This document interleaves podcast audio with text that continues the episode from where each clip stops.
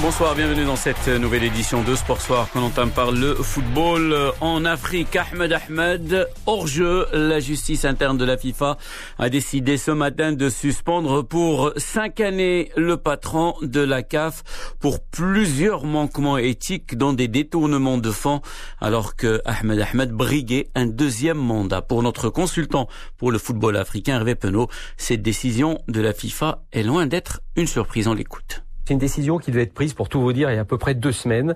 Mais comme il avait été victime du coronavirus, il est à l'hôpital en Égypte, il a fallu qu'il se remette. Après, il est rentré chez lui, prendre quelques jours de congé. Et puis, au final, eh bien, la décision est tombée, c'est-à-dire qu'il est exclu du jeu. Et d'ailleurs, la CAF, même si elle a eu un communiqué, bien sûr, en disant que bon, ils vont regarder un peu ce qui s'est passé, et il n'empêche qu'ils ont tout de suite acté la décision. Et c'est Omari, hein, qui était déjà président hein, par intérim, le fait que Ahmad, en raison de sa maladie, été un peu mis de côté. Eh ben, c'est lui qui va prendre les rênes du pouvoir, j'allais dire, jusqu'à la prochaine élection en mars, à Rabat d'ailleurs, où on saura qui sera désigné prochain président de la CAF. Mais c'est quand même un séisme immense hein, dans le football africain, il faut bien s'en rendre compte. Là, on, on parle d'un président qui n'est même pas allé au bout de son mandat. C'est-à-dire que le fameux Ahmad, qui qui devait hein, révolutionner la CAF et puis surtout hein, changer des anciennes méthodes hein, en expliquant qu'il y avait eu trop de corruption, euh, trop d'amitié cachée. Euh, eh bien, lui lui-même s'est retrouvé s'est retrouvé dans une cette situation-là, c'est-à-dire éjecté avant même la fin de son mandat. C'est vraiment un, un choc hein, pour les gens qui suivent le foot africain,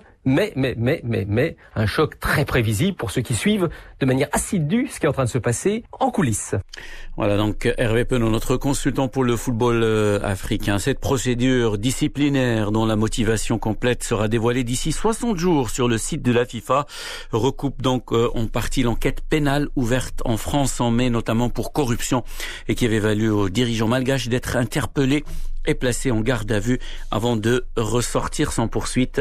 Quatre candidats se sont déclarés pour prendre la tête du football africain. Le Sénégalais Agustin Sangor, avocat et neveu euh, de l'ancien président Léopold Sédar Sangor. Le Mauritanien Ahmed Yahya, réputé proche d'Ahmed Ahmed. L'Ivoirien Jacques Anouma et le milliardaire sud-africain Patrice Motsepe, le président euh, du club des Mamelody Sundowns. Au Maroc, Jawad Ziyech réaffirme que sa décision de quitter la présidence du Raja Casablanca, que sa démission était irrévocable.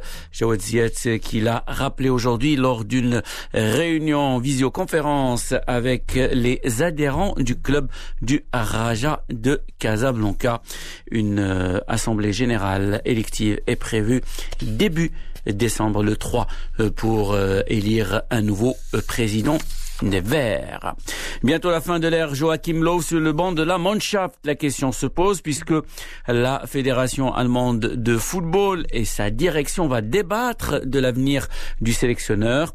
Après la défaite historique 6-0 en Espagne la semaine dernière, une réunion donc est prévue le 4 décembre prochain pour décider euh, du maintien ou pas de Joachim Löw.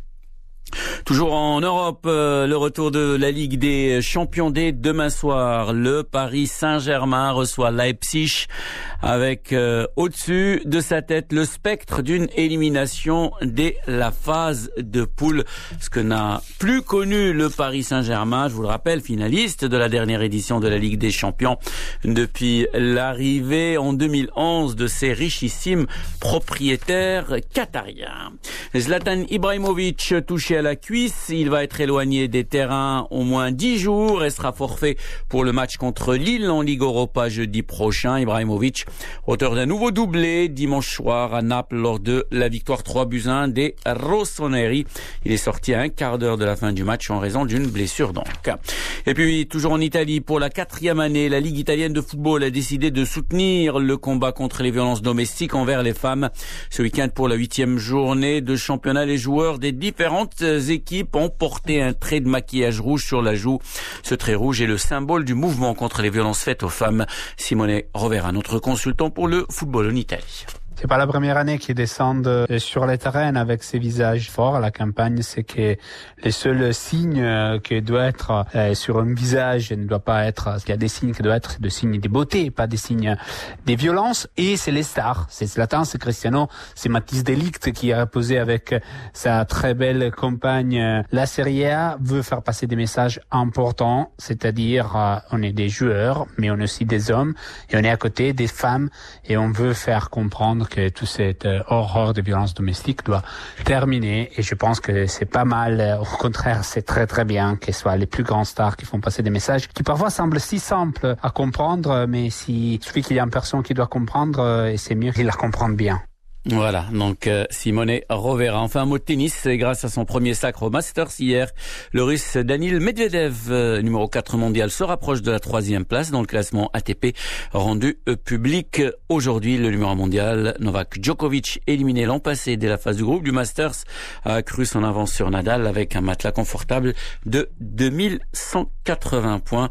Les deux joueurs ont été battus lors des demi-finales dans ce Masters de Londres.